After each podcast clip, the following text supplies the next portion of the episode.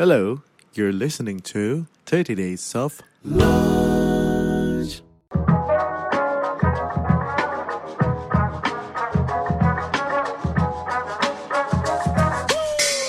Kita jalanin eh, 9 bulan balik modal, kenapa kita nggak terusin aja? Gitu Iya, ya. iya. Kalau lo harus mau nggak mau lo harus menjadi dokter umum, artinya lo cuma punya kayak semacam beberapa pilihan kecil. Yang pertama adalah lo punya uang banyak tapi lo nggak punya hidup.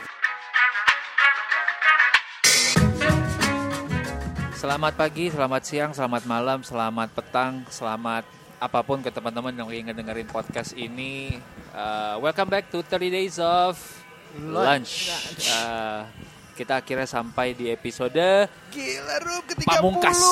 30 Pamungkas. Sudah hampir set- Ya. setahun ya Setahun ya setahun. Kita mulai Agustus tahun lalu dan ini udah ya Agustus Agustus lagi. Udah Setahun. Agustus lagi udah setahun Wow. bener-bener Wow gak nyangka Wow. banget Semoga yang kita lakukan selama 29 episode ke belakang itu ada gunanya Yes. Uh, berkah asik Berkah. berkah dan juga um, semua bisa ada yang bisa diimplementasikan ada yang cocok buat lo membantu lo berawal dari yang well banyak hal yang belum tahu jadi tahu yang Yes. udah tahu jadi lebih tahu lagi Yes. dan ya, siapa tahu sekarang naik promosi memulai bisnis atau apalah Iya, yang lumayan banyak sih orang yang nge-DM dengan uh, mereka jadi melek finance, Wah, terus mulai nabung saham dan Iya. segala macam itu buat gua very very apa ya encouraging sih bahwa ada orang-orang yang akhirnya benar-benar ngedapetin nutrisi dari Iya. podcast ini Iya, dan iya. Dipakai banget buat kita hidup senang mereka. banget kita senang banget Hari ini kita akan ngobrolin sesuatu yang apa ya? Gimana yuk? Jadi em, sebenarnya secara apa ya, gue suka banget kemarin ada topik di sosial media rame banget. Iya. ini nih, ini nih ada tentang gaji 8 juta lulusan suatu universitas. Ya, Yang ya Iya. yang bergengsi ya. Iya, bergengsi lah universitas yang Iya, lumayan iya, banget iya, nih di iya, di Indonesia gitu. Tapi Iya, apakah 8 juta dia terus dia tolak ceritanya. Hmm, Dia, ceritanya dia tolak iya, karena iya, merasa iya. dia lulusan itu Iya, merasa iya. lulusannya worth Iya. more gitu. Iya iya iya. Kalau gua kalau kita yang di meja ini sih ya sorry not sorry ya. Kita kalau nggak gaji 50 juta sih nggak kita ajak ke podcast sih. Nah, monthly nah, nah. income ya kita ngomongnya Iya, iya, mungkin bukan bukan, gaji, hanya gaji. Iya, iya, iya, Ah, monthly monthly income, income monthly dari income. beberapa Iya iya iya. sumber Iya iya. Wah. Jadi eh, enggak enggak enggak enggak. Buat gua salary gua waktu awal tuh UMR men. UMR ya UMR dulu gue pertama kali. Jadi gue bisa ngerelate. Kalau ada yang bilang 8 juta, gue pernah ngalamin 3 juta waktu Iya. itu UMR. Ah, ah, ah. Em, tapi seiring berjalannya waktu, gue yakin kalau profesi mana pun, role mana pun lu dalam hidup, kalau lu upgrade diri lu terus, yang namanya income pasti akan bertumbuh dan Menyesuaikan. ikut sampai menyesuaikan. ujung-ujungnya lo yang dibutuhkan gitu bukan Exactly. lo yang harus lo yang dicari gitu. Lo yang bukan dicari, lo yang mencari. Bukan lo yang mencari, betul betul. jadi Nah, kalau ya monggo lo dulu. Hari ini kita akan ngobrol sama eh, beberapa teman kita ya. yang punya role yang berbeda-beda banget. Karena gua rasa setelah 29 episode uh, teman-teman semua belajar all the skills yang kalian butuhkan untuk survive untuk ngehack your life and career and productivity. Hari ini kita mau ngasih lihat bagaimana menurut kita empat atau lima profesi yang ya udah biasanya di hidup ya itu itu aja gitu. Ya. ada teman-teman kita yang dari profesional ada yang uh, karyawan ada yang pengusaha ada yang freelance, freelance atau sekarang atau namanya tuh content, content, creators atau mungkin dari jalur akademisi. Betul. gitu. Sementara gaji 8 juta itu apakah cocok di setiap role? Dan limitnya sampai mana sih kalau lu di setiap Iya, role iya. itu atau Apakah uh, 8 juta itu tempat mulai yes. dari 8 juta atau ketinggian atau kerendahan Iya. dan ujungnya tuh di mana? iya. Lo jangan-jangan sampai lu masuk kerja 8 juta tapi 10 tahun kemudian karena attitude lu begitu masih 8 juta iya, sama aja buat apa? Atau kalau mulai bahkan oh 8 juta oke nggak cocok nih buat gue, gue mau lebih tinggi. Lo mulai 10 juta, tapi 10 tahun lagi 10 juta, juta juga, nggak ada gunanya. Nggak ada gunanya so hari ini kita mengundang teman kita yang pertama adalah Hai, aku Fala. Fala. Fala. Fala ini nyampe ke sini katanya sepedaan 120 kilo. Enggak. Jadi, aku tadi pagi tuh harusnya mau sepedaan. Oke. Terus aku mikir, apa gue langsung aja nih naik sepeda ke sini. Fala ini adalah seorang dokter. yes. Yes. Dan juga seorang content creator. Ya. Gampangnya gitu, tapi Gampangnya sebenarnya gitu. kompleksnya banyak sekali nih. Iya. Boleh cerita sedikit, sekarang kegiatannya apa aja? Sekarang kegiatannya masih praktek dan masih membuat konten.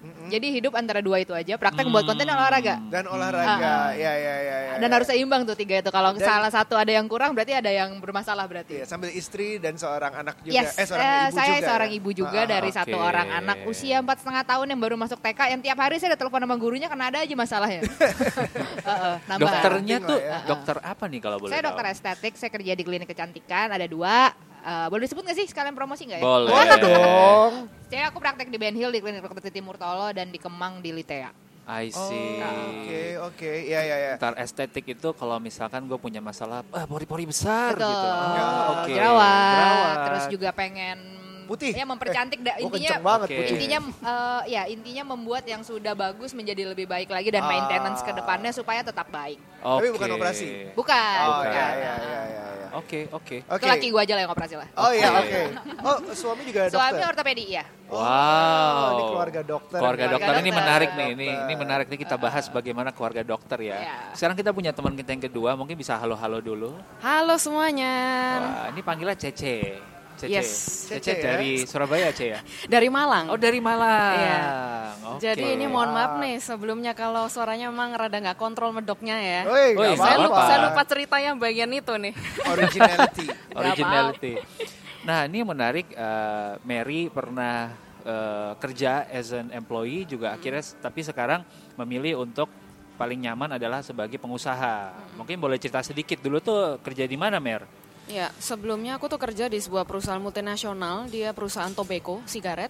Wow. Cukup lama, eh, dua tahun penempatan luar negeri sampai akhirnya 2014 mutusin pulang ke Indonesia. Wow. Lanjut S2, tujuannya sebenarnya supaya cepat dipromosi ke jenjang berikutnya, maunya gitu ya. Karena Ya. persaingan di Jenjang dunia berikutnya nih pernikahan. Amin ya. Eh, jenjang berikutnya waktu itu adalah ke manajer. Jadi manajer, oke. karena persaingannya benar-benar ketat banget Wow. ini. Dan aku ngerasa dengan pendidikan lebih akan menunjang cepat Hmm. dipromosi. Tapi ternyata nyangkut eh, di di sekolah bisnis, nyangkutnya ketemu partner bisnis, punya bisnis akhirnya. Kita jalanin.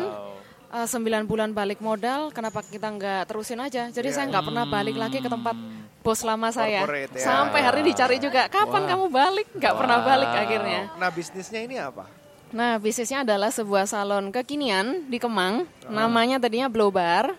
Tapi kita baru rebranding jadi Co Studio karena menyasar segmen pria juga. Oh, Ke- Kemang Village. Eh, Di ini eh, Jalan Benda Kemang. Oh, Jalan jadi Benda. sekomplek Iya, iya, sama benar-benar dialog lewat. gue. Ah, Nah, Kemang juga.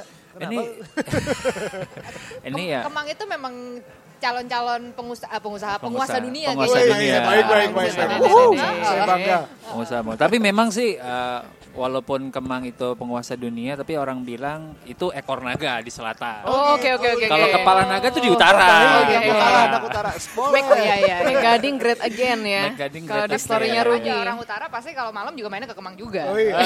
Can we diterusin nih ke depan? Anyways, gue tertarik untuk menggali eh, mungkin dari teman-teman yang bisa relate dulu adalah kalau lo kerja di corporate gitu. Em, apakah sekarang lo bergaji 8 juta itu sesuatu yang lazim Eh, dan kira-kira limitnya sampai mana sih gitu. Kalau gue dulu dengan punya UMR 3 juta penghasilan gue sebenarnya lumayan unlimited bisa dibilang. Kenapa? Karena itu insentif. Karena sales, Ah. sehingga ada insentif. Untuk setiap alat berat yang gue jual itu ya ada persenannya lah berapa. Iya. Tapi bisa kita hitung lah, misalnya gue menjual eh, crane yang nilainya satu setengah m, Iya. itu kalau capai target mungkin bisa dapat 2% gitu. Misal iya. kalau dua, karena ya nggak jauh-jauh lah. Otomotif juga sekitar segitu satu setengah sampai dua persen. Iya, iya. Properti juga lu 2% persen Iya, iya. biasanya dari sales. So kalau lu jual rumah 2 m, ya 2% lu 40 juta gitu. Jadi walaupun gaji lu 3 juta, Iya. but lu bisa dapat penghasilan 40 juta cuy. Ya itu itu lowongan lowongan lowongan kerja yang itu kan. Iya, iya. Penghasilan unlimited, kerja dari rumah. Tentukan jam kerjamu sendiri. Betul. Iya iya iya, lowongan gila. kerja yang itu banyak banget memang. Betul. Cuman eh, apakah seindah itu? Pertanyaannya ke Ibu Mary sebagai corporate. Waktu saya men- eh, jadi corporate saya pernah nih 2009 gaji cuma satu setengah juta tuh pernah. wow, 2009 tuh. wow. Yes, yes. Satu Itu setengah itu karena Itu magang. itu UMR Surabaya loh Oh, itu iya, UMR 2009. Wow. wow. Jadi eh, untuk gambaran aja bahwa jangan pertokan ke UMR Jakarta. Jakarta kan provinsi yang mungkin Iya. dinilai terproduktif, termakmur ya. Betul. Cuma teman-teman di luar sana UMR-nya ada yang masih mungkin hari ini masih 1,8 Iya. tuh ada Tapi sebenarnya. memang living Wow. cost-nya juga beda. Living cost-nya memang turun, ya. kota. Oke. Cuma akhirnya saya ngerasa eh, waktu pindah ke Jakarta naik lumayan. Jadi saya lumayan eh, culture shock. Oke, tapi disertai dengan living cost Living cost juga tinggi. Oke. Disertai juga dengan tanggung jawab job desk yang makin tinggi. Tuntutan ekspektasi dari bos juga makin tinggi. Tapi kalau dari saya sebenarnya ngelamar pekerjaan dari dulu prinsip saya itu bukan tentu gaji menjadi pertimbangan, tapi itu yang kedua. I never follow money. Tapi Hmm. saya ngelihat bosnya bisa ngajarin saya nggak perusahaan ini bikin saya makin berkembang dan pinter nggak?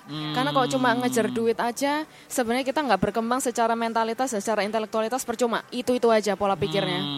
Waktu itu saya belain karena bosnya benar-benar eh, mendidik saya bagus banget. Dia lulusannya Wharton Business School coba. Dan satu Wow. divisi sih cuma saya sama dia karena itu divisi baru. Jadi saya ibaratnya ya. kayak kursus MBA tapi private 2 Private, tahun. iya. Wow. Iya. Itu di negara mana waktu itu?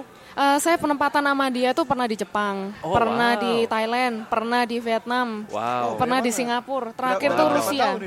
Eh, karena project-project ada yang enam bulan, ada yang dua bulan, Wow. ada yang satu minggu. Wow. Jadi dia baru dipegangin affiliate Asia Pasifik. Jadi saya ngekor ke sama dia nih. Wow, coba sekarang kalau gue balik nih ya, misalnya lo punya kesempatan sekarang untuk mengulang eh, pilihan hidup lo lagi di umur dua, eh waktu 2009, lo punya gaji 8 juta, tapi lo nggak belajar sama Wharton gitu. Misalnya lo, bos lo bela- itu. lo, lo belajar sama gue lah gitu.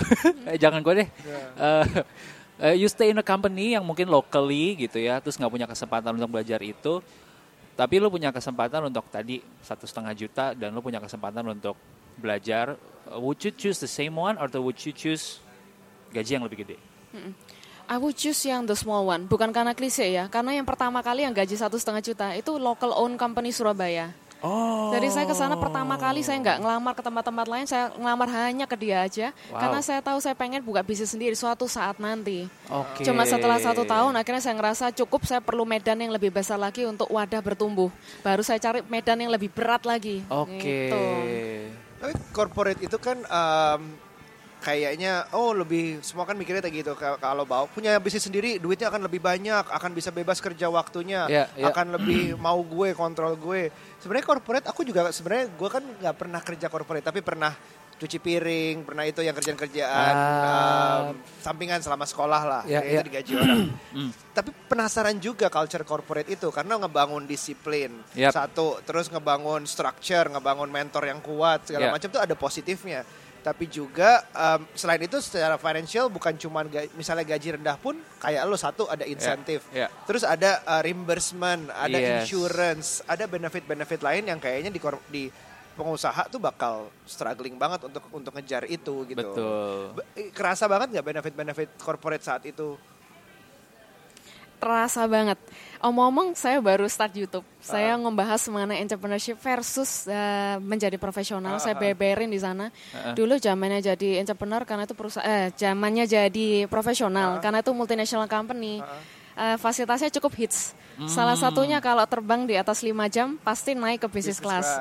Terbang di atas 10 jam pasti first class. Oh. Kemudian belum lagi BOD, eh, B level, C level datang eh, atau traveling ke mana kita ikut naik private jetnya. Uh, Jadi Oke, hit ini sekali udah lah. tahu nih company wow.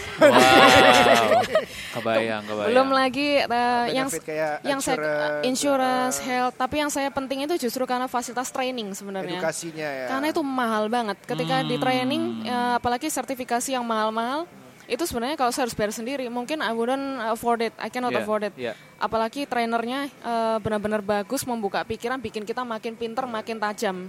Itu yang saya incer malah banyak sebenarnya. banyak Wow. yang memang uh, sampai lo harus sekolah di luar negeri terus dibayarin company-nya terus Yeah. tapi harus stay di company itu di kontrak berapa Yeah. tahun biasanya Yes, yes, ada gitu-gitu juga ya. yang eh, kontrak jangka panjang kayak gitu. Hmm, and a valid degree kayak S2 Yeah. segala macam gitu cuman itu kan happy happynya tuh. Ya. Like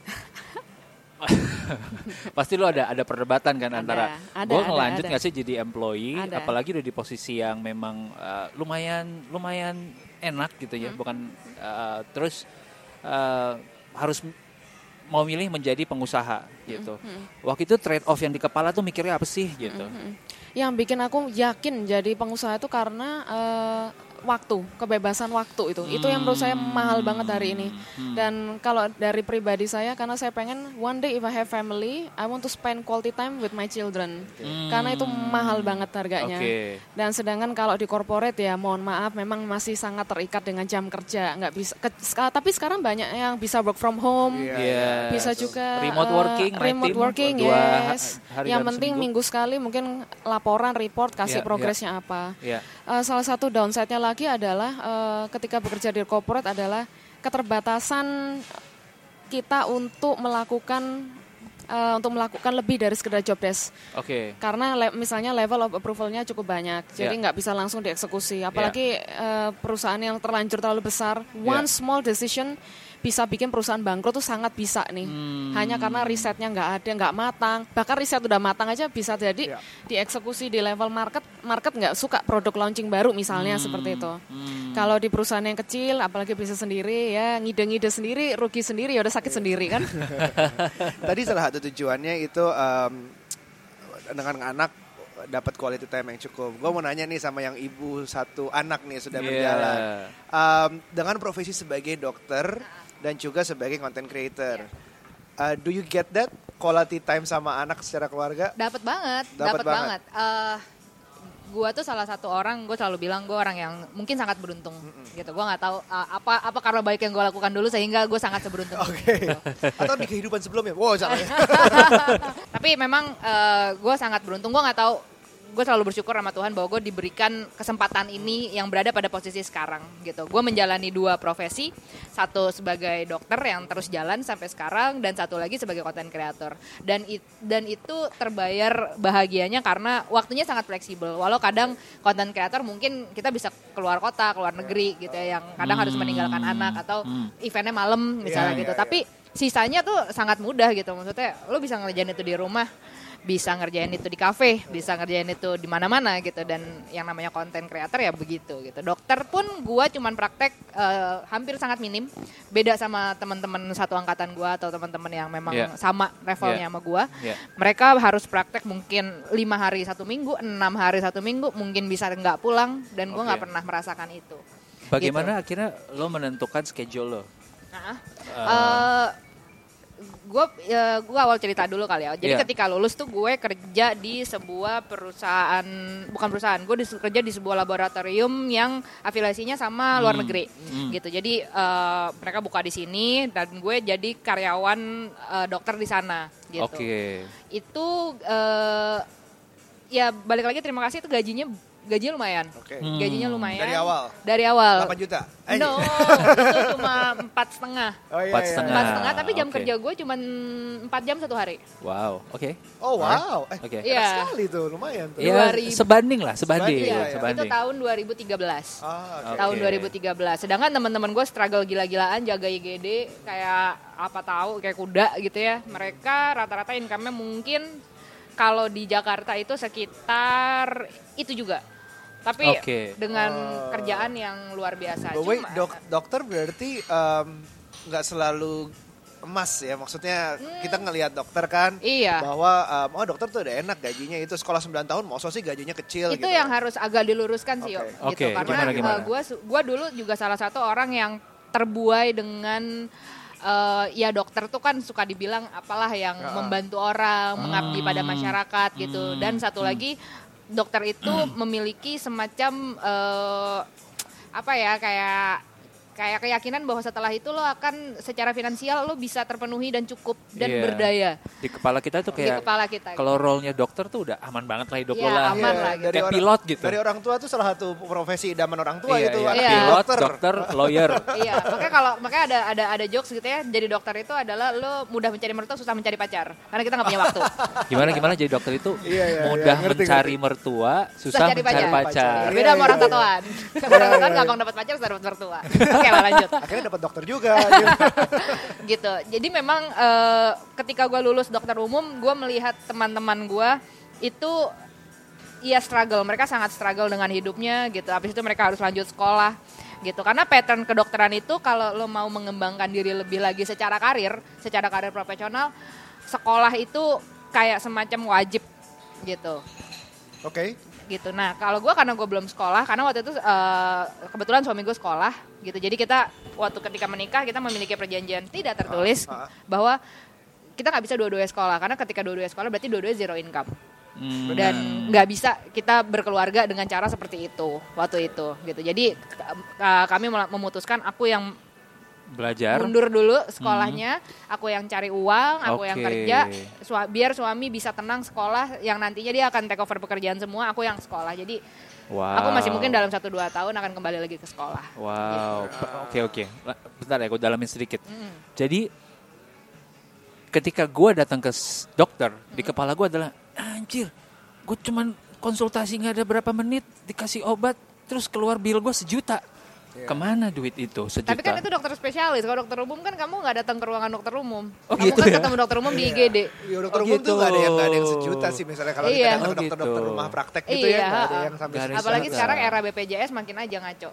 Oke. gitu. Jadi memang kalau dokter umum, gue selalu berpesan sama adik-adik gue gitu Iya, ya. iya. Kalau lo harus mau nggak mau lo harus menjadi dokter umum, artinya lo cuma punya kayak semacam beberapa pilihan kecil. Yang pertama adalah lo punya uang banyak tapi lo nggak punya hidup. Iya. Itu pun juga tidak banyak. Setidaknya cukup untuk berdaya hidup. Iya, iya. Kedua, lo at least lo harus punya, lo harus mikir lagi gimana cara lo mendapatkan sampingan. Sampingan itu Oke. uang yang lain. Mau lo Oke. bisnis foto jadi fotografer kek, Iya, jadi youtuber kek, lo mau misalnya lo ikut kursus-kursus-kursus, Iya. Iya. terus lo menjadi Iya. mastering di hal lain gitu. Itu Iya. adalah hal yang wajib. Karena kalau ketika mendalami karir hanya sebagai dokter umum, ya mentoknya akan segitu-gitu Tapi aja. bisa ke spesialis habis itu sekolah Bisa lagi. dong, bisa Ah, banget. Nah, ah, ah. sekolah itu adalah salah satu eh, big leap gitu ya, eh, jembatan yang yang yang sangat intinya di di depan itu tuh sinarnya cerah, Iya. tapi jembatannya jauh gitu. Oh, Iya, iya, iya, iya, iya. Gitu. Terserah lo mau lewatin apa enggak. Spesialisasi itu butuh berapa lama? Eh, ku- eh, minimal tiga setengah tahun, Minimal tiga setengah setengah tahun, tahun. sampai lima tahun kalau untuk pemegang pisau. Tapi sebenarnya tadi bener kan sekolah dokter masih 9 tahun sekarang. Se- Apa? enggak, kalau gue enam.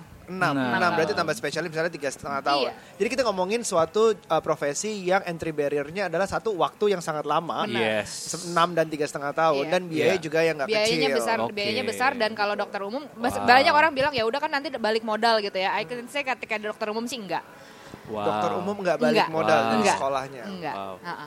Oke, itu juga Oke. berlaku ke ipar gue itu um, pilot uh, dan beberapa so- so- dari keluarga nyanyi Nucha itu pilot juga. Jadi Iya. maksudnya kalau pilot juga entry barrier sekolahnya itu mahal banget, tapi Iya. sebentar, lebih sebentar daripada dokter. Iya. Eh, cuman um, dipikirnya oh tapi kan sekali terbang dapat segini. Tunggu dulu jam terbang lo juga ngaruh dulu. Lo ada reach waktu berapa ribu jam, udah berapa ribu jam terbang baru lo naik baru gitu. Dan itu harus untuk itu ya lo harus lulus dan dipercaya dan dikualifikasi co-pilot lah apa segala macam akhirnya jadi pilot. Betul. Makanya eh, aku sama tadi sama Cece gitu ya mikirnya. Jadi aku setelah aku resign dari perusahaan yang eh, lab tadi, aku ikut dalam tanda kutip aku benar-benar ikut sama eh, seorang guru besar gitu ya, seorang guru besar dari fakultas yang 8 juta ini juga. Eh, oh, Universitas 8 juta ini. Oh, ya. Universitas 8 juta Ah. sekarang namanya. Baik. Eh, itu memang secara income, secara income jauh. Eh, bukan bayangin aja itu empat setengah. Nah ini masih yang kurang lebih segitu di tahun sekarang. Jadi income gue masih segitu. Cuma opportunity gue be- eh, bebas, eh, besar Oke. gitu.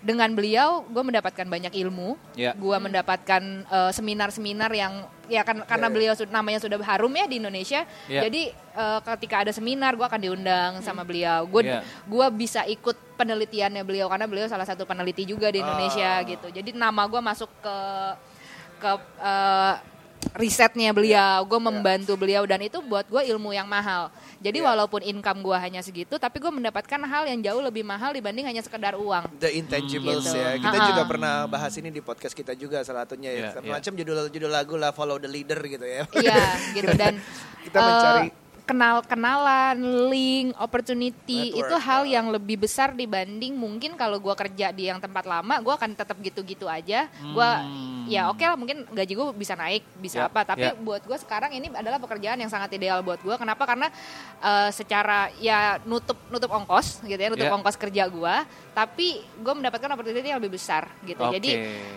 please deh gitu kalau kerja bukan cuma cari uang aja gitu ya Iya. uang itu penting gitu Penting. tapi sampai sejauh mana uang yang lo diberikan lo sekarang bisa membuat lo ke depan itu gimana gitu jalannya Iya iya iya. gitu Gue merasa sih kalau gue waktu itu mikirnya kalau masih sama orang tua, masih dibayarin banyak hal, please nggak digaji juga nggak apa-apa. Kasarnya kalau gue Iya, tuh pengennya iya, kayak iya. gitu, tapi ada benefit lainnya banyak itu, yaitu Iya. ikut orang, yaitu Iya. network, yaitu apa, Iya. uh, ek- edukasi segala macam. Asal itu, karena basic needs gue harusnya ke orang tua cover. Iya. Karena kita di Indonesia juga kalau belum married juga nggak keluar dari rumah biasanya Iya. gitu. Iya. Ya udah kita manfaatin aja orang tua bisa ya udah.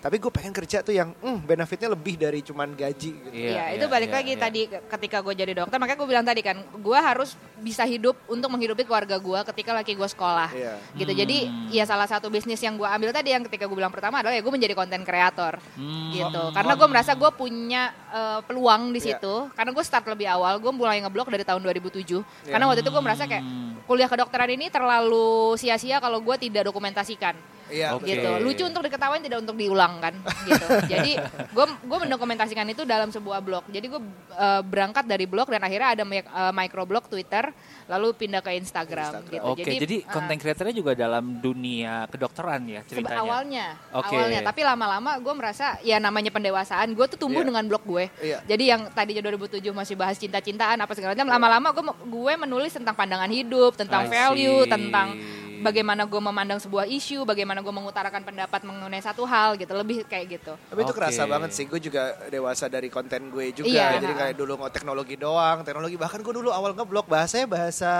bahasa cong gitu. Pokoknya ya kayak gue lucu-lucuin segala Iya. macam gue main-mainin biar seru aja. Tapi lama kelamaan, oke kita ngomongin financial sekarang ngomongin itu Iya. karena gue juga butuh hal-hal seperti itu sambil gue Iya. belajar. Tadi eh, Caca juga ngomongin buka channel YouTube ya.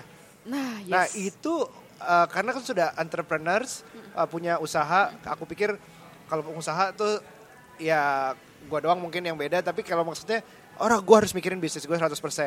Nah ini content creatingnya itu adalah untuk mendukung usahanya, apa untuk uh, pencarian diversifikasi gitu. Nah, sama dengan karir entrepreneur pun ada fasenya. Ada fase kita nyampe ke titik jenuh. Iya. Karena bisnisnya nggak nyombong nih, nggak nyombong banget nih. Tapi sudah ada manajer, sudah ada sistem, sudah ada staff di pos masing-masing. Terus Sudah saya tiap siap-siap Autopilot. Oh, amin, exit. amin. Oke. Atau mengun- eh, atau mengundang investor masuk. Iya. Tapi saya ngerasa di sini kok jadi comfort zone saya. Saya nggak punya activity baru lagi. Iya, iya, Eh, iya. Begitu-begitu aja datang kantor kok semua udah beres, tinggal sore meeting. Oh yaudah ngambil keputusan. Saya ngerasa saya butuh tantangan baru lagi. Iya. Dan karena berapa kali ngajar juga, kebanyakan, nah ini harus digarisbawahi, kebanyakan generasi milenial tuh terbawa tren mau jadi entrepreneur. Eh, saya lupa di mungkin di episode keberapa ngomongnya sekarang, eh, sekarang itu generasi milenial antara jadi youtuber Atau jadi Iya. atau entrepreneur. entrepreneur Iya, ya. Influencer, ya. Iya. follow the passion katanya Follow the passion itu. Tanpa mereka tahu harga bayar, harga mahal yang mesti dibayar di Iya, balik betul. itu. Makanya saya mau ceritain kalau di generasi kita mungkin yang di, eh, di definisi sukses itu adalah jadi eh, dokter tadi atau menjadi Oh, iya. pekerja, manajer, direktur dan seterusnya. Iya. Entrepreneur ini baru-baru aja sebenarnya. Hmm. Makanya saya pengen sharing, guys, nggak selalu loh jadi entrepreneur itu Hmm. eh, amazing, etc. etc. Kenyataannya seperti ini yang terburuknya. I have to work sampai mungkin uh, jam 10, jam 11. The first person coming to office, the last person leaving the office. Iya. Weekend pun masih kepikiran kerja, malam masih nggak bisa tidur kepikiran gimana make more money, make Iya, more iya. make a better system supaya orang-orang yang kerja di sana juga nyaman Betul. dan lain-lainnya. SOP, etc. etc. Betul. Ya, itu betul. sih. Um, to add on that, menurut gua salah satu hal yang akhirnya trade off gua nih waktu dari karyawan akhirnya memutuskan untuk menjadi pengusaha adalah setelah nyobain begitu banyak company yang berbeda, mulai dari alat berat sampai tech company sampai yang bikin apps, Iya. eh, gua agak susah untuk reporting to someone. Uh, I cannot. It's hard for me to report to someone. Uh, I'd rather be the authority. Got it, got it. ya, Got it. uh, nggak ada masalah dengan itu. Maksudnya gue bisa, gue bisa work within that uh, system. Tapi setelah gue ada batasnya limitnya, makanya gue di company itu jadinya nggak pernah lebih dari setahun atau dua tahun gitu. Karena karena ya itu batasannya gue. More than that, gue diri gue udah mulai kayak pengen keluar gitu. Iya. Dan itu mungkin akhirnya jadinya kenapa gue menggaung-gaungkan banget teman-teman untuk pergi ke tonyrobbins.com, terus ngecek diri lu yang DISC personality test di situ lu akan menemukan gitu siapa lo dan karir mana yang cocok sama lo Iya. gitu nggak berarti dari dokter tadi eh, apa namanya pengusaha tadi terus content creator tadi lu harus ngerjain semuanya atau semuanya jelek atau Iya. semuanya bagus gitu yang penting tuh cocok Dan Jadi- kerjaan itu kan maksudnya semakin kita dewasa ya kita kan hanya sharing hal-hal yang worth sharing Iya. gitu Iya. ya. Kadang yang capek-capeknya tuh nggak pernah diceritain gitu. Betul. Yang yang mereka kayak kayak aku gitu ya. Maksudnya ke- ketika jadi konten kreator pasti orang akan ngop- komennya gitu banyak yang Hidup enak ya jalan-jalan banget." mulu ya. enak ya lu cuman foto doang dapat uang ya. Ya lo Gitu. enak judul itu lo. Ya iya, lo enak. enak Ya, ya, lo enak. enak. Padahal eh, kalau gue, gue tuh salah satu tantangan terbesar gue jadi konten kreator adalah gue stuck ide. Gue nggak tahu gue harus mau ngapain lagi dan gue sering banget ada di fase apalagi ketika gue bedol desa, bedol desa. Ketika gue pindah ke Instagram, kalau Twitter kan gampang lo di mana aja lo bisa membuat Iya, iya, konten. iya. Tapi ketika Instagram tidak gitu loh.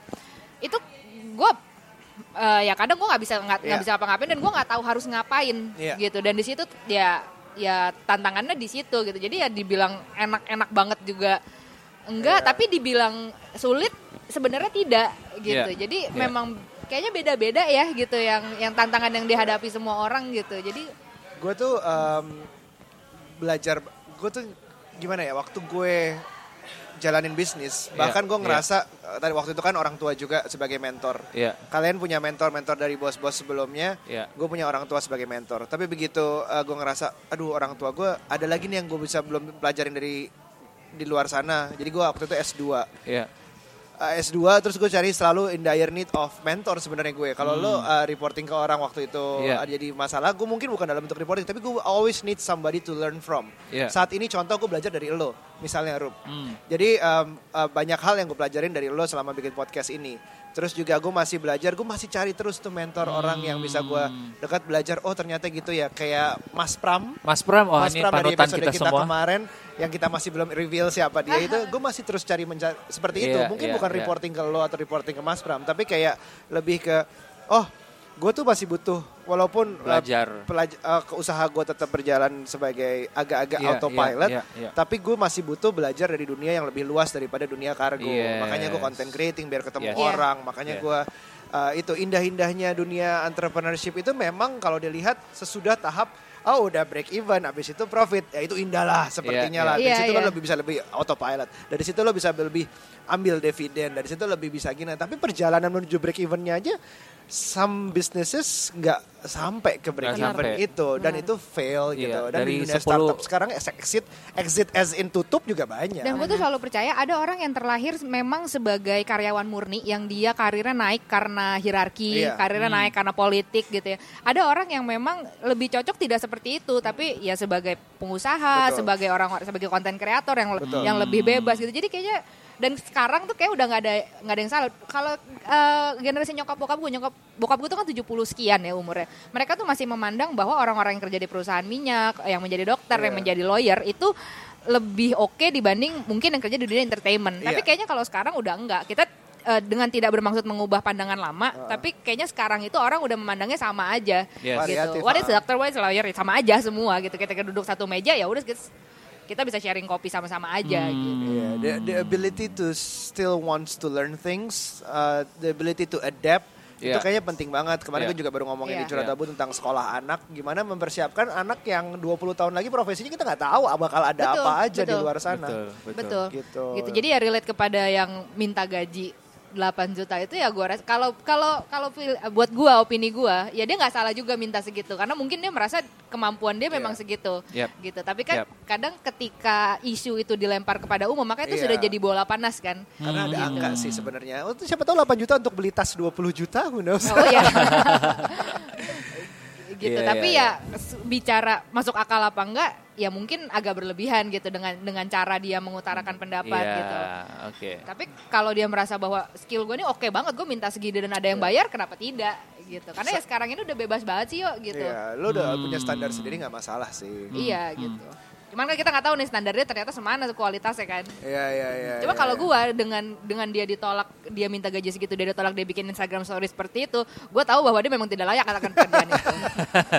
Gua Bukan begitu ya Cece ya? tidak dewasa. Iya. Sedangkan Bagian di share-nya mungkin Iya, ya. Bagian sedangkan di luar sana kan banyak orang struggling untuk nyampe ke Iya. UMR minimum aja. Iya. Sampai hari ini kalau di industri saya, karena industri kecantik, industri jasa ya, Oh. Iya. itu benar-benar lumayan underrated lah rate-nya ternyata. Eh, di tempat saya saya nggak pernah turnover saya sangat rendah karena saya gaji mereka di atasnya atas. market UMR karena buat Oke. saya yang penting mereka nyaman, mereka Iya. bisa berkarya, Happy. produktif, bahagia, menghasilkan karya-karya yang karya yang bagus untuk customer. Cuma ternyata di luar sana eh, bagi mereka yang eh, kurang beruntung mungkin nggak punya akses pendidikan itu benar-benar sedih loh. Ada orang Iya, hari ini masih digaji tujuh ratus lima puluh ribu, lima ratus ribu dikerjain. Saya Iya. mikir bayar kosan gimana, transport gimana, Iya. makan sehari-hari kayak Iya. gimana. Iya. Tapi yang penting buat mereka, yang penting saya ikut dulu bu, saya mau kerja, saya mau belajar bu. Wow. Eh, saya pasti saya gaji lebih dari itu. Iya. Cuma saya ngeliat pertumbuhan orang ketika saya invest di orang, saya ngeliat karakternya. Ketika hiring ya akhirnya ya, Iya. mau belajar nggak nah ini, nggak peduli kok lulusannya dari mana. Habis itu eh, karakter mau belajar atau enggak, lihat aja setahun dia berkembang sampai di mana. Dan eh, menyenangkannya ketika punya staff itu adalah melihat kita invest di orang yang tepat dan setahun kemudian dia jadi itu rasa Ada kepuasan ya. Kepuasan. yes itu Terus luar dia biasa. pindah. Oh enggak. Enggak, enggak. Nah, Dia growing di tempat saya, dia ngasih ide-ide yang lebih baik lagi, mulai handle klien-klien artis dan seterusnya. Jadi uh, buat saya akhirnya entrepreneurship is uh, not just about uh, men- mengejar revenue, perlu ya ada target perlu. Ya, yep. Tapi akhirnya ngembangin tim yang kerja bareng sama kita lagi nih. Betul. Jadi saya berapa kali juga interview teman-teman uh, milenial, adik-adik milenial yang mungkin lulusan luar negeri, lulusan kampus tier A di Indonesia. Ngobrol, saya ngobrol tuh saya nggak pernah nanya tentang kayak hmm, IPK, IPK saya lihat ya, cuma Iya. it's not a very, uh, it's not a benchmark. Tapi saya lihat kamu selama kuliah tuh ngapain aja sih? Hmm, Apa yang kamu pelajarin? ya, Kamu ke sini mau ngapain? ya. Kamu em, di sini mau cari uang atau mau belajar atau mau apa? Terburuknya kalau saya suruh kamu ngerjain report, saya minta hari ini, eh, menit ini selesai bisa nggak kamu? Hmm, Eh, saya kasih perumpamaan yang paling susah karena saya pengen ngetes mentalitasnya sejauh apa. Karena kadang-kadang saya ketemu mentalitasnya princess. Atau mungkin ya ekonominya Iya, sudah lumayan, kebi- eh, ekspektasinya kerjaan di startup yang sudah lumayan unicorn, jadi Iya. nggak kebayang dunia nyata guys gitu loh. Padahal dunia nyata sekarang di luar yang di luarnya di sosmed itu ya masih setaf itu gitu. yap, yap, yap. Jadi Iya. Gue Ya, selalu, uh, iya, a- angka sama sekali nggak pernah gue lihat sih. Selalu larinya ke interview dari saat interview itu menunjukkan itunya karena yang angkanya ketinggian pun biasanya waktu luangnya dia itu dihabiskan juga untuk belajar. Jadi sosialisasi, berteman, apa segala macam, um, learning new things, nggak Iya. cuma satu itu akibatnya jadi kurang. ya Uh, dari dari kecil ya mungkin karena gue balas dendam kali ya dari kecil gue nem nggak pernah nyentuh 40 IPK nggak nyentuh 4 semua tuh by, by numbers I'm awful gitu selalu kayak gitu dan gue nggak merasa um, nggak Yeah. ini nggak menentukan gue nggak pernah menentukan gue angka itu jadi harus benar gue yang udah gue alamin yang gue kenal siapa yang uh, skill-skill gue apa daripada cuman angka satu itu karena Yeah. sistem pendidikan di Indonesia masih banyak bisa diperbaiki lagi sih but not just by numbers Itu itu yang selalu gue eh, kasih kasih juga ke junior junior gue gitu loh. Lo semasa kuliah eh, IPK IPK harus bagus, tapi tidak boleh jelek. Tapi juga lo jangan jangan lo hanya mengejar IPK yang 3,8. tiga- Kalau lo bisa dapetin itu ya monggo aja, oke gitu. Tapi lo tenang aja. Tapi ada yang paling penting adalah bagaimana lo bergaul ke lingkungan sekitar gitu. Karena sekarang trennya untuk lo dapat pekerjaan itu bukan kayak dulu yang kita harus cari di koran, kita bawa map ke mana-mana Yep. gitu. Tapi banyak pekerjaan yang kita dapatkan justru dari orang lain yang kita kenal, yang kita yang kita eh, berusaha untuk approaching dia. Kita kenalan kayak di meja kopi ini mungkin Iya. saya nanti dapat kerjaan dari Aryo misalnya gitu. Iya. Mungkin saya dapat kerjaan dari Cece yang kita nggak pernah tahu kerjaan itu dapat dari mana Iya. gitu. Jadi Hmm, skill yang harus lo punya selain lo bisa bikin titering kimia atau biologi atau lo bisa ngelihat mana kuman mana virus ya itu adalah bersosialisasi dengan sesama manusia. Iya, iya, gitu. dan- karena banyak dokter yang lupa. Banyak Iya. dokter yang lupa untuk dia bisa memiliki nilai yang baik kepada sesama manusia. Dan mereka mereka cuman kayak gimana caranya? Oke pasien sehat sembuh tapi ada yang tidak disentuh gitu loh ya rasa kemanusiaan itu gitu Dokter dan itu anak yang bisa bikin anak ketawa disuntik gak sakit ya juga itu heboh, itu kan gitu. sentuhan-sentuhan Empati yang ya. iya sentuhan empati sentuhan yang kemanusiaan itu betul. banyak ya itu adalah kritik-kritik dari eh, field gua ya gitu mungkin kalau dari yang lain banyak juga lah catatannya gue nggak ada masalah dengan meng-hire orang 8 juta. Sudah pernah dan fresh graduate 8 juta juga sudah pernah. But 8 juta itu akan comes with a certain kind of responsibility, Yes. a certain kind of standard yang uh, pernah juga yang 8 juta itu akhirnya dalam waktu satu bulan saja menyerah uh, karena princess tadi. uh-uh. Terus uh, pernah juga yang 8 juta itu stay terus Yeah. sampai lebih dari setahun um, karena memang perform bagus banget. Uh, sehingga gue nggak ada masalah dengan angka. Bahkan ketika gue meng-hire, gue men- memberikan mereka kesempatan, lu yang nentuin aja harga lu. Nggak ada offer letter dari gue, Wow. gitu. Tapi Wanna walk the talk. eh, better walk the talk gitu. Kalau lu berani minta angka segitu, I'm gonna ask apa yang memang setara dengan Iya, itu. So buat gua em, itu nggak ada masalah kalau sebagai pengusaha gitu ya. Memang number is just a number sih kayak Exactly. eh, banyak orang yang memilih kayak seperti kalau gua gitu ya, gua memilih untuk tidak bekerja di rumah sakit yang dalam tanda kutip parlente gitu ya, bonafit gitu. Dan gue mendapatkan income mungkin lima kali lipat dari klinik yang gue kerja sekarang. Iya. Tapi eh, ketika gue mengerjakan yang klinik yang gue pegang sekarang ini, gue gue banyak belajar gitu dan gue banyak kesempatan yang lebih terbuka dibanding gue kerja di gue mati-matian kerja ingin terlihat sebagai dokter yang sukses kerja di perusahaan true, di rumah sakit bagus tapi karir gue nggak berkembang karena kan sekarang gue menjalani dua Iya, dua- dua kaki ya gitu betul, betul. jadi Dan- gue harus kita harus pintar-pintar juga nyari sih sebenarnya mana yang membuat peluang lo terbuka karena pada akhirnya kan kita pengen hidup ya Iya. pengen Iya. hidup berdaya, pengen hidup baik gitu ya. Jadi sama ya number is just a number. Iya, iya.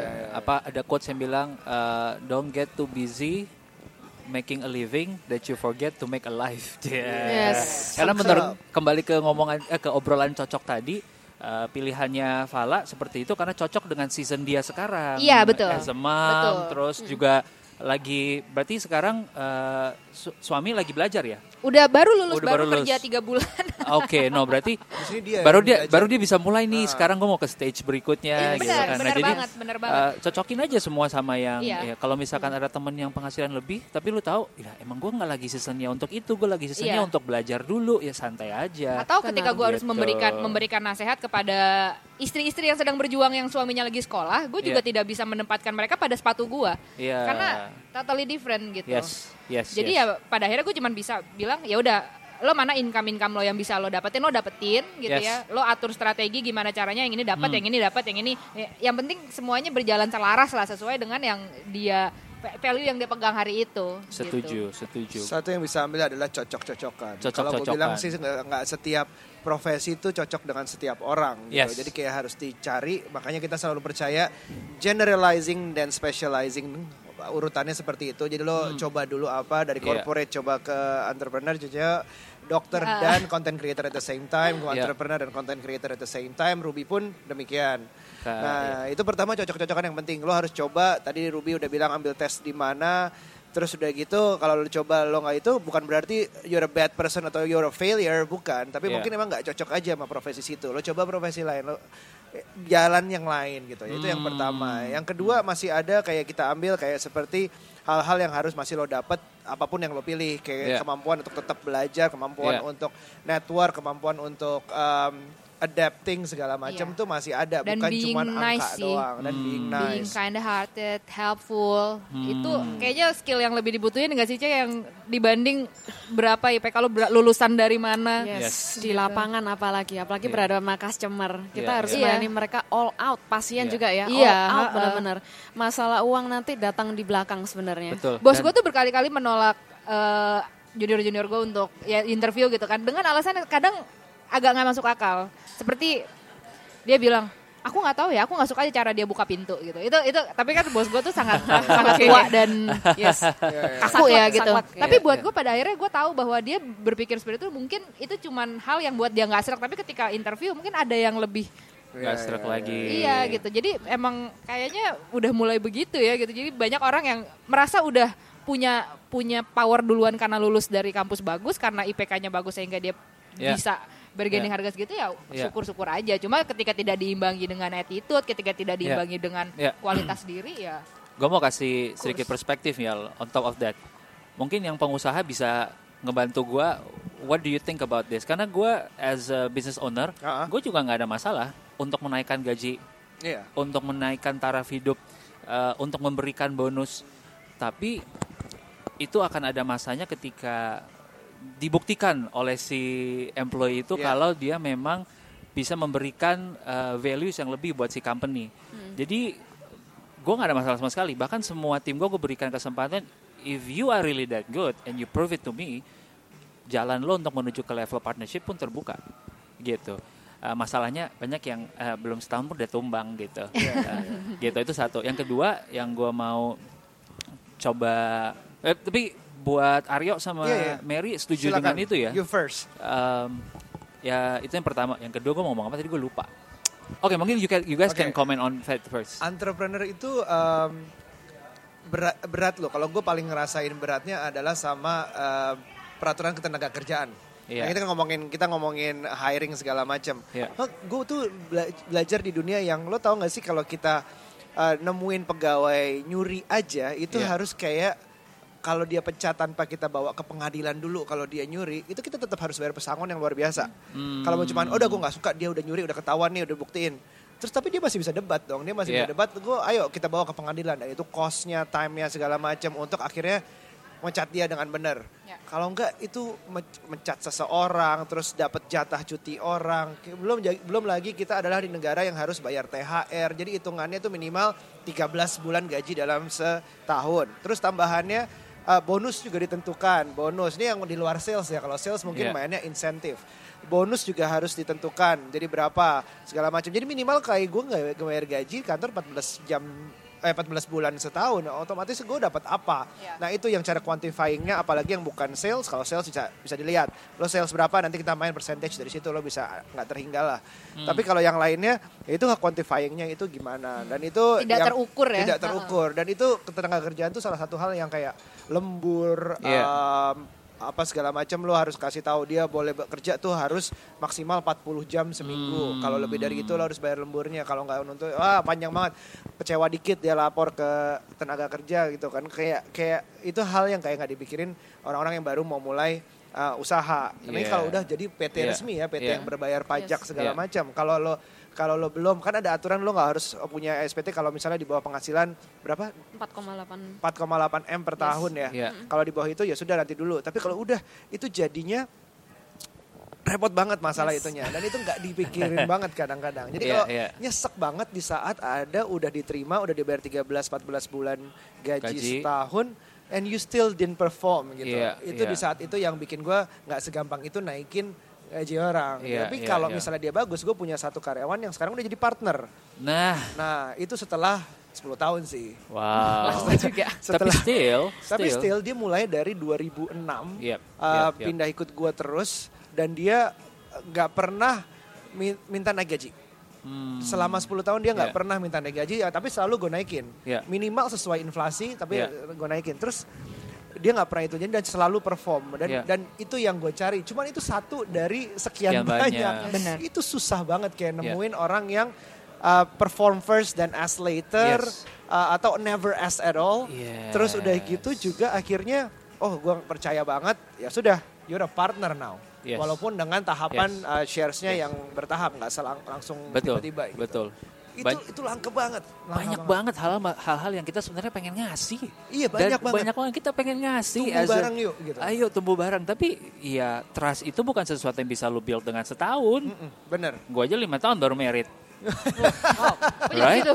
Masuk enggak, masuk gua if if you want to be on a ship with someone untuk the rest of your life bisa jadi bisnis ini, ya mbok ya nggak bisa dengan enam bulan lu menjadi partner setahun aja juga mungkin masih banyak harus di proof belum lagi ngomongin hal-hal yang lu harus lu pelajari secara skill dan uh, kompetensi Benar. untuk bisa di level itu Jadi mungkin Gitu. yang bisa kita kasih saran ke anak-anak muda ya tunjukin aja gitu Tunjukin ya. aja. Tunjukin bahwa lo memang seberkualitas itu dan lo Iya. layak Iya. mendapatkan segitu. Ya nanti bos-bos lo juga akan memberikan lo- memberikan lo buta kesempatan gitu mereka ya. nggak buta Mereka juga nggak mau kehilangan lo kok kalau bagus. betul Iya, betul iya benar banget, benar banget. Rugi Benar. banget kayak yang lu udah bilang apa Cece eh, yang satu tahun udah ada lo naik gaji segala Iya. macam. Yes, Macam. pasti, pasti. Would you pasti. lose him or her? Enggak, Nggak pasti, mau, kan? pasti akan mempertahankan. Karena eh, perusahaan bisa bertumbuh cepat omsetnya itu karena kinerja dari staff. Iya. Itu eh, sangat berkaitan. Jadi kalau performa staff eh, naik, pasti diiringi dengan revenue naik, pasti akan dikembangkan lagi jadi eh, benefit, compensation benefit ke karyawan lagi. Betul. Cuma setuju tadi eh, Arya bilang, ketika jadi PT itu bukannya makin enak, tapi nambah tanggung jawab, kewajiban dan komitmen baru. Pajak, tenaga kerja, Banyak BPJS. banget jam sostek dan lain sebagainya. sostek. Iya, iya. Cuma eh, aku nggak akan komentar masalah itu, cuma aku akan nambahin masalah mencari staff yang tadinya kok susah banget ya di Ah. zaman sekarang. Akhirnya saya eh, menera- mungkin ini juga bukan ilmu baru, tapi saya mulai ngencengin di masalah company culture. Hmm. Company culture dibangun dari dalam dulu Iya. supaya kita mempraktekkan value-value yang kita percaya, Iya. supaya itu menyaring seleksi alam untuk Iya. orang-orang yang datang ke kita. Ibarat Iya. kalau pacaran ya kita nunjukin diri kita apa adanya. Iya. Saya begini begini begini, pasti yang datang ke kita adalah orang yang menghargai, Iya. bisa menerima kelebihan dan kekurangan itu. Hmm. Jadi sudah mengurangi semua semua yang tadi eh, mungkin eh, mungkin yang gaji dikasih 8 juta masih ngambek, Iya. tu- eh, story di mana-mana, mengurangi yang eh, mereka-mereka yang mental princess. Betul. Dan kita mengerucutkan ke mereka yang karakternya sama ki- sama kita. Kalau company culture saya tuh hustle. Karena saya juga hustle. Jadi ada helpful, ada ultimate deserve learning, doing extra, love what you do.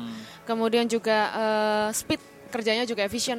Iya. Ya itu saya menseleksi orang-orang gitu. Timnya masih kecil tapi for me better work with less people Iya. daripada more people. Tapi saya nggak, aduh anak-anak ini udah Nggak nggak efisien. karu-karuan deh. Hmm, hmm. Iya, setuju banget itu, setuju banget. Last point sebelum kita mungkin nanti akan mulai summary adalah kita udah ngebahas dari pengusaha, udah ngebahas dari uh, karyawan plus minusnya, uh, udah ngebahas dari profesi, dokter. Mungkin kita ngegali sekarang ada unsur-unsur content creator di setiap dari kita. Iya. Uh, Mulai bikin YouTube channel. mulai bikin YouTube channel gitu. Gini guys, um, penghasilan dari content creator juga bisa dibilang ya if you are that good can be unlimited Ya, betul. gitu ya. Um, Cukup banget sih. Ada yang videonya Oh, ratusan juta Wow. per ada yang video videonya juga ratusan ada. juta, ada youtubers yang udah menghasilkan setahun bisa Beli Ferrari itu ada. beli Ferrari, berarti ya di atas 10 m lah ya penghasilan setahun. Um, tapi uh, is it that good? Perjalanannya butuh berapa lama? Itu yang mungkin gue akan rekomend teman-teman dong dengerin episode kita yang sobat HP, Ya. episode kita yang Will Ghost, di mana dia Ya. invest ratusan juta untuk bikin kitchennya Yes. dia, beli tools buat ngerekam, Iya. tanpa tahu dia akan jadi berapa subscribers. Ya. Sekarang dia 300 ribuan subscribers after one and a half year making videos. Dan dia dulunya perlu 6 jam ngedit satu video, sekarang dia jadi 60 menit, which is satu jam. Itu adalah proses yang harus dilaluin gitu. Uh, so uh, menurut gua semua role atau semua bidang apa pun pasti harus ada satu sampai dua tahun yang kita hustle tadi Berkorban. berkorban tadi baru kita Yap. bisa ngerasain fruitnya so it's a matter of which kind of pengorbanan yang lo bersedia lakukan Ya. gitu ada orang yang bersedia be- belajar 10 tahun untuk gua punya balance antara penga- punya penghasilan sekaligus ngebantu orang karena gue jadi dokter Iya ya. Jadi Ya. dokter itu pengorbanannya bukan cuma sekolah tapi juga ego sendiri Iya. sih. Ketika melihat orang lain belum eh, melihat orang lain udah punya KPR, melihat Yes. orang lain udah punya income dan kita Iya. masih sekolah tanpa tanpa income, itu ego sih yang ketendang gitu. Yes. Ya, tapi ya Yes. kembali lagi memang ada yang harus dibayar untuk se- sesuatu yang lebih baik. Ah, betul betul Mau sedikit nambahin nih masalah Oh, iya. ego juga. Karena entrepreneur itu juga punya ego. Saya pun punya ego, punya Hmm. ambisi. Dan saya pernah memaksakan season yang harusnya belum dimasak saya dengan cara eh, buka cabang di Surabaya di luar Hmm. kapasiti saya waktu itu. wow Just because karena waktu itu masuk Forbes. Ah, Masuk Forbes 30 Forbes. under 30. Oh, wow. Ini graduate-nya ini, nih. Ini Iya, iya. ini harus saya ceritain bagian pahitnya tapi. Oke. Kalau orang masuk Forbes ada biasanya bisnisnya naik. Saya berharap pun pasti seperti itu. Mumpung Iya. nih ceritanya Aji mumpung uh, media exposure lagi tinggi. Saya maksain season yang tidak seharusnya. Tadi buka cabang selama satu tahun ternyata kayak, uh, saya nggak siap SOP. Saya Iya. ternyata marketnya belum Iya. uh, siap menerima tren itu. Ya.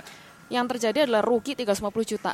Wow. Itu biaya belajar yang mahal hanya untuk men- menuruti ego, Ego. dan ambisi Kan gua entrepreneur Forbes. Eh, itu juga kejadian loh di gue. Jadi um, waktu itu bayar random ada yang masukin ke Asia uh, Business Week 20 under 25 something lah Iya, kalau lo iya, googling iya. nemu itu memalukan. Kayaknya banget. majalah SWA deh.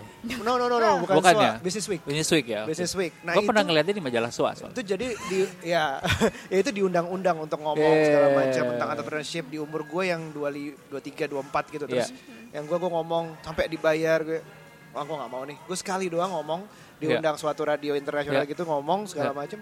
Akibatnya jadi kayak gue belum apa-apa untuk share di umur segitu dan akhirnya kosong. Gue ngerasa Ya. Enggak, enggak, enggak. Gue harus balik lagi dulu kerja. Dan sekarang akhirnya di 30-an baru berani kira lebih lebih kayak gitu. Jadi Speak kayak out. justru sesuatu yang memuji lo, mengangkat lo, itu biasanya kalau lo nggak terima dengan enak, itu jadi jatuhin lo Yes, sih. kita nggak siap yang Betul. ngeresponnya ya. Betul. Ya, siap true. responnya. Betul, betul. Content creating. Kalau kita ngomongin content creating, kalau uh, Will Ghost kenceng banget tumbuhnya, gue Iya. kalau salah satu content creator yang terlambat tumbuhnya. Nah lo, gimana kalau case-nya kayak Aryo? Ayo lo. Gue tuh tiga tahun bikin YouTube masih 20 ribuan. Yes. Um, followers Instagram gue nggak ada apa-apanya banding Pala. Udah berapa ratus video lo bikin? 350-an video gue bikin Anjir. Terus. Wow. Gitu. Terus ya karena memang yang gue gue harapin adalah gue nggak siap dengan again dengan sesuatu yang naik terlalu cepat, terlalu instan. Mungkin bukan gue. Ada yang orang bisa handle pressure-nya, Iya, bisa iya. handle Ntar gue kirim surat dari polisi ya, biar lo, Wow, serem banget. biar overnight dia nambah followers. Iya, memang cara Bikin orang kasus. cara orang mencari masa tuh beda-beda sih. Iya, Terus, terus, beda-beda. terus, Jadi terus, memang, terus. ya, tapi gue nyaman banget kayak gitu. Kalau gue bisa kayak Iya. bikin podcast sekarang dapat respon orang, bisa ngerasain impact yang lebih deep daripada Iya. lebih wide. uh, itu yang gue selalu itu yang keeps Hmm. me going. Lagian um, ya untuk sehari-hari masih ada entrepreneurship yang Iya, jalan. iya. Ah. Tapi content creating kalau gue nambahnya sedikit-sedikit aja, tapi itu sedikitnya dalam banget ke orang, bisa kayak dapat orang dapat Iya. kerja kayak Iya. Yang mau kita umumkan hari ini tentang um, scholarship yang kita kasihkan itu Iya.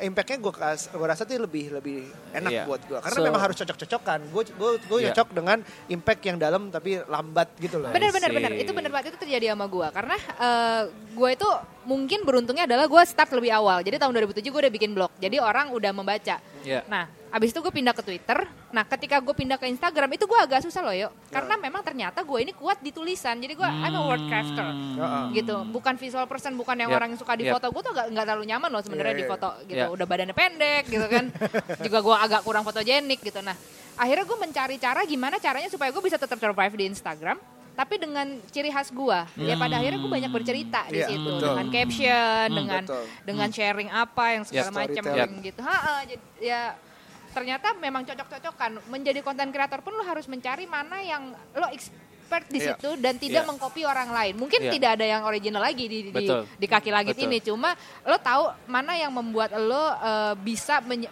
menyebarkan informasi menyebarkan ilmu menyebarkan Iya. manfaat Iya. menyebarkan hal baik dengan cara lo Iya. ada yang dengan visual yang bagus foto yang bagus gitu ada dengan Monggo. caption yang kuat Iya. gitu dan itu Iya. beda-beda dan yang tahu lo Iya, dan kalau lo berusaha untuk misalkan uh, Fala senangnya adalah di bagian sharing dengan tulisan tadi. Terus tapi ternyata dia bilang enggak kok orang followers lebih banyak kalau dia fotonya yang cantik-cantik dengan angle kayak Mungkin gini. begitu, tapi If you buat- try doing that and then you're successful, you are attracting the wrong crowd.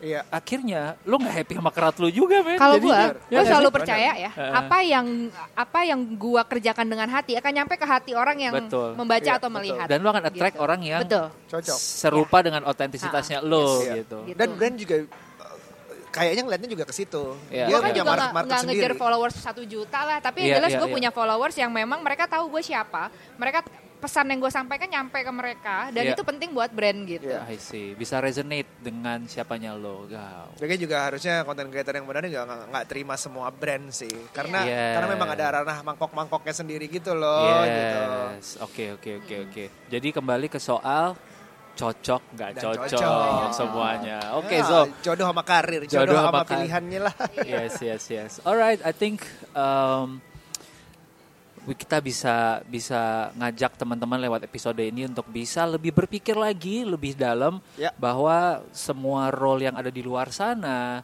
Gue sempat ngepost pilihan hidup itu, pilihan karir itu cuma lima. Apa itu? ya pengusaha, uh, lu karir profesional, lu sebagai employee, lu sebagai akademisi, atau lu kawin uh, sama orang kaya. Anak profesi kaya, iya. terakhir gitu ya, jadi Iya, iya, jadi iya. spouse-nya Ya, ya, ya, ya. uh, Taipan gitu. Anyway, but as a, just a joke, tapi even as a spouse for a Taipan itu juga ada capeknya, job-desknya. bro. Harus kualitas juga. Exactly, bro. Gue punya temen yang ya ya menikah dengan keluarga yang menurut gue one of the top 10 richest, tapi itu juga punya demandnya sendiri dan Iya. punya tanggung jawabnya sendiri yang berbeda. Iya. So nggak usah nikah deh kayak kayak second generation itu juga pressure-nya juga sama aja yang Yes. di luar karena orang nggak anggap ah gampang tinggal nerusin Yes. kalau edukasinya udah udah Ivy League udah apa Yeah. segala macem ya belum tentu kalau Betul. udah yang sesuatu kayak princess tadi udah terlalu gampang otomatis takes everything for granted ya udah hilang juga lama-lama gitu juga. Wah gila, obrolannya fruitful banget nih. Semoga juga bisa bernutrisi buat teman-teman semua. Uh, kita wrapping up sedikit hasil obrolan ini. Kalau gua kembali ke satu kata, cocok. Asik. Cocok sesuai Cocok-cocokan. diri lu sendiri, uh, cocok sesuai dengan seasonnya lo, cocok sesuai dengan apa yang lo pengen impikan dalam hidup lo gitu. Mantul. So percayalah semua orang punya journey-nya masing-masing. Bisa jadi kegagalan lo adalah bagian dari journey lo. Kenapa? Nggak seru juga sih kalau kita one day 10 tahun dari sekarang lo nulis biografi. Biografi lu adalah, iya jadi gue mulai usaha, usaha gue berhasil, berhasil sampai sukses banget. Terus ya udah, kayak terus nggak ada struggle ya bro? Nggak, gampang semuanya. kayak kayak nonton film, tapi nggak ada Nggak ada klimaksnya. ada klimaksnya iya, gitu. iya, iya. Nah anyway mungkin Aryo sama uh, Cek Mary Iya. mau nambahkan. Cie. Aku nambahin aja buat teman-teman di yang dengerin yang saat ini lagi batin, aduh gaji gua nggak naik-naik atau mungkin lagi diproses bisnisnya struggling atau mungkin malah pernah ngerugi kayak aku juga. Bersabar, ini adalah momen di mana kekuatan kamu, kesabaran kamu, kedewasaan kamu, dan kecerdikan kamu keluar dari masalah itu diuji. Karena mungkin zona ini, zona tidak nyaman. Welcome to uncomfortable zone. Iya. Karena justru di momen ini, kalau kamu bisa tweak di opportunity, kamu bisa keluar as a winner, bahkan lebih baik daripada sebelumnya. mantap Mantul. Karena justru di momen-momen gini, kamu tuh akan eh, di momen-momen yang tidak nyaman ini kamu bisa menghasilkan karya yang jauh lebih baik daripada di momen kamu lagi nyaman, lagi tenang, lagi comfortable. Biasanya nggak akan ada inovasi baru. Itu aja sih. Hmm, hmm. Thank you, thank you ya Mer. Kalau gue mau nambahin podcast ini nggak memecahkan masa lalu. Ya, Podcast ini adalah sumber referensi, sumber tambahan cerita dari dari teman-teman yang udah hadir di sini. Hmm. Jangan lupa dengerin. Ada beberapa episode yang mungkin worth listening again berkali-kali. Um, entah itu yang ikigai menemukan passion lo, entah Ya. itu ada lo di persimpangan, entah itu tentang perduitan atau tentang content creating. Banyak banget yang bisa didengerin berulang-ulang kali ya. tujuannya untuk coba kita belajar you guys in a in a, in a very kalau lo bilang tadi uncomfortable zone tapi in a very best time to be alive juga karena there's so much information out there there's a lot of things that gue nggak dapet di saat gue 20-an dan Yap. gue berharap Yap. eh, kalian nggak mengalami hal yang sama tapi memanfaatkan sebanyak-banyaknya konten-konten yang berguna buat lo. Yes. Um, Kita ada di episode 30, kita hari ini ada di KLTR Coffee di daerah Karet, Karet Sudirman. Sudirman. Eh, keren banget tempatnya, ah seandainya deket banget sama rumah gue. Tapi ini enak banget tempatnya, ada the best tiramisu ever, and then ada geisha coffee, ada banyak banget eh, Iya, iya, iya. untamed things di sini yang harus gue cobain lagi. Mungkin Dan ya. um, untuk menutup the whole season, the whole first season, which we don't know is gonna be a second or not, tapi kita um, bersyukur banget atas yang kalian udah kontribusin, bahkan kita kontribusi balik di bagian memberikan scholarship. Yes. Em, buat kita scholarship itu kalau gua ngelihatnya kayak gini sih.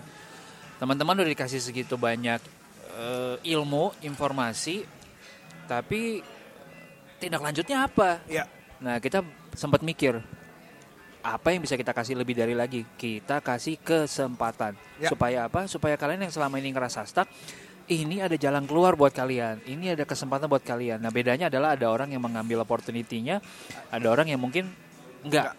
So, semoga teman-teman semua 500 lebih dari kalian yang mengambil kesempatan ini. clap for you guys. Uh, thank you dan welcome, welcome. Siapa tahu kita nggak tahu ini akan menjadi jalan baru buat teman-teman untuk ke uh, kesempatan-kesempatan lainnya yang lebih baik lagi. Setuju. Hmm. Aryo, Kita um, dari 500 itu kayaknya udah beberapa yang ngetek kita berterima kasih bahwa Yes. dia akhirnya akan di ke tahap berikutnya. Yes. Ini baru tahap-tahap awal ya. Ya. Setelah selesai pun kalian tiga bulan itu kalian mau apa itu juga keputusan kalian juga. betul. Um, just wanna say, let us know how it goes. Yap, Kalau udah sampai keterima dan akhirnya setahun kemudian, dua tahun kemudian kalian jadi apa dari hasil Purwadika ini. Thank you banget Purwadika juga untuk supportnya. Yes. Yes. Sangat-sangat berarti kalau gue bisa ngasih impact yang lebih dalam daripada lebih luas. Yap, yap, yap. Eh, teman-teman, uh, I'm sad that all good things must come to an end. Um, Gak berasa kita Is this mulai. really the end? Uh, I I think for me for me this is the end. Um, Kenapa? Karena kita mulai Agustus tahun lalu, nggak berasa. By the time episode ini tayang juga udah Agustus lagi. Uh, satu tahun. Um, gue senang gue bisa commit sama namanya 30 Days of Lunch. Gue menyelesaikan 30, kita menyelesaikan 30 ini. Uh, ada masa-masa yang agak berdarah-darah, tapi uh, oke lah itu biar biar jadi pengalamannya kita. Uh, so thank you teman-teman semua yang udah support dari episode pertama, menceritakan tentang podcast ini ke yang lain, membagikan value-nya dengan pay it forward, uh, baik di sosial media, baik di WhatsApp group, baik di pertemanan keseharian kalian. We thank you for that. Dan um, kita senang banget teman-teman udah menjadi bagian yang apa ya meramaikan sesuatu yang positif Yap. karena gue percaya even setelah setahun ngerjain ini kita masih butuh lebih banyak lagi ngeramein yang positif. So thanks a lot to you guys. It's been a wonderful journey. And gue juga perlu say thank you juga sama my co-host Aryo. Ya, yang sudah menemani perjalanan ini dari ide liar di kepala sampai akhirnya Terwujud. terwujud uh, menjalani semua keseruan, kecapean dan uh, sampai di titik ini. So it's been a great journey. Like I said, I learned a lot from you, mate. Dan juga um, terima kasih juga buat semua restoran, coffee shop, Yap. tempat kita yang bolehin kita berantakin mejanya, ngomong kecilin Suara. musiknya ya, tolong Uh, makanannya. Sorry kita lama di sini ganggu mejanya. Iya. Terus juga um, terima kasih juga, terutama juga gue menghargai banget interviewee Yap. semua yang narasumber yang kita udah Cece salah satunya Iya. yang udah pernah datang dan menceritakan begitu banyak insight dan pengalamannya gila banget dari Menyediakan Alanda waktu. Mhm. terakhir uh, Fala dan Cece itu wow banget gua belajar banyak banget dari kalian Hmm, hmm. Um, kita mungkin uh, nggak bisa, belum bisa memberikan banyak buat setiap uh, teman-teman yang uh, berbagi di sini, uh, but kita percaya bahwa at the minimum uh, dengan membagikan sesuatu yang baik, uh, kita nggak tahu kapan, tapi itu akan kembali ke teman-teman semua in one way or another. Kalau bahasanya Mas Ivan adalah uh, kita semua ini ditunggu, Iya. Iya, untuk memudahkan, untuk uh, membantu siapa pun. Ya, kita percaya uh, podcast ini adalah salah satu caranya. So thank you untuk membantu menyebarkan positivity. Terakhir juga thank you kita ya buat along the way juga ada beberapa brand yang iya yang supporting us uh, karena honestly uh, makan 30 kali dan kita biasa makannya we want to entertain our guests sebaik mungkin. Kalau average 500 ribu lumayan juga ya 30 episode ya. tapi bayarnya pakai kartu jadi bisa dapat miles Iya. Yeah, hal satu yang dipelajarin dari 30 Days of Lunch Uh, alright, um, kayaknya kalau gue panjangin lagi ini akan jadi banyak haru biru dan kayaknya nggak habis-habis juga. So I'm gonna stop it here. Uh, thank you, thank you, thank you, Thank you so and much it means a lot perjalanan ini.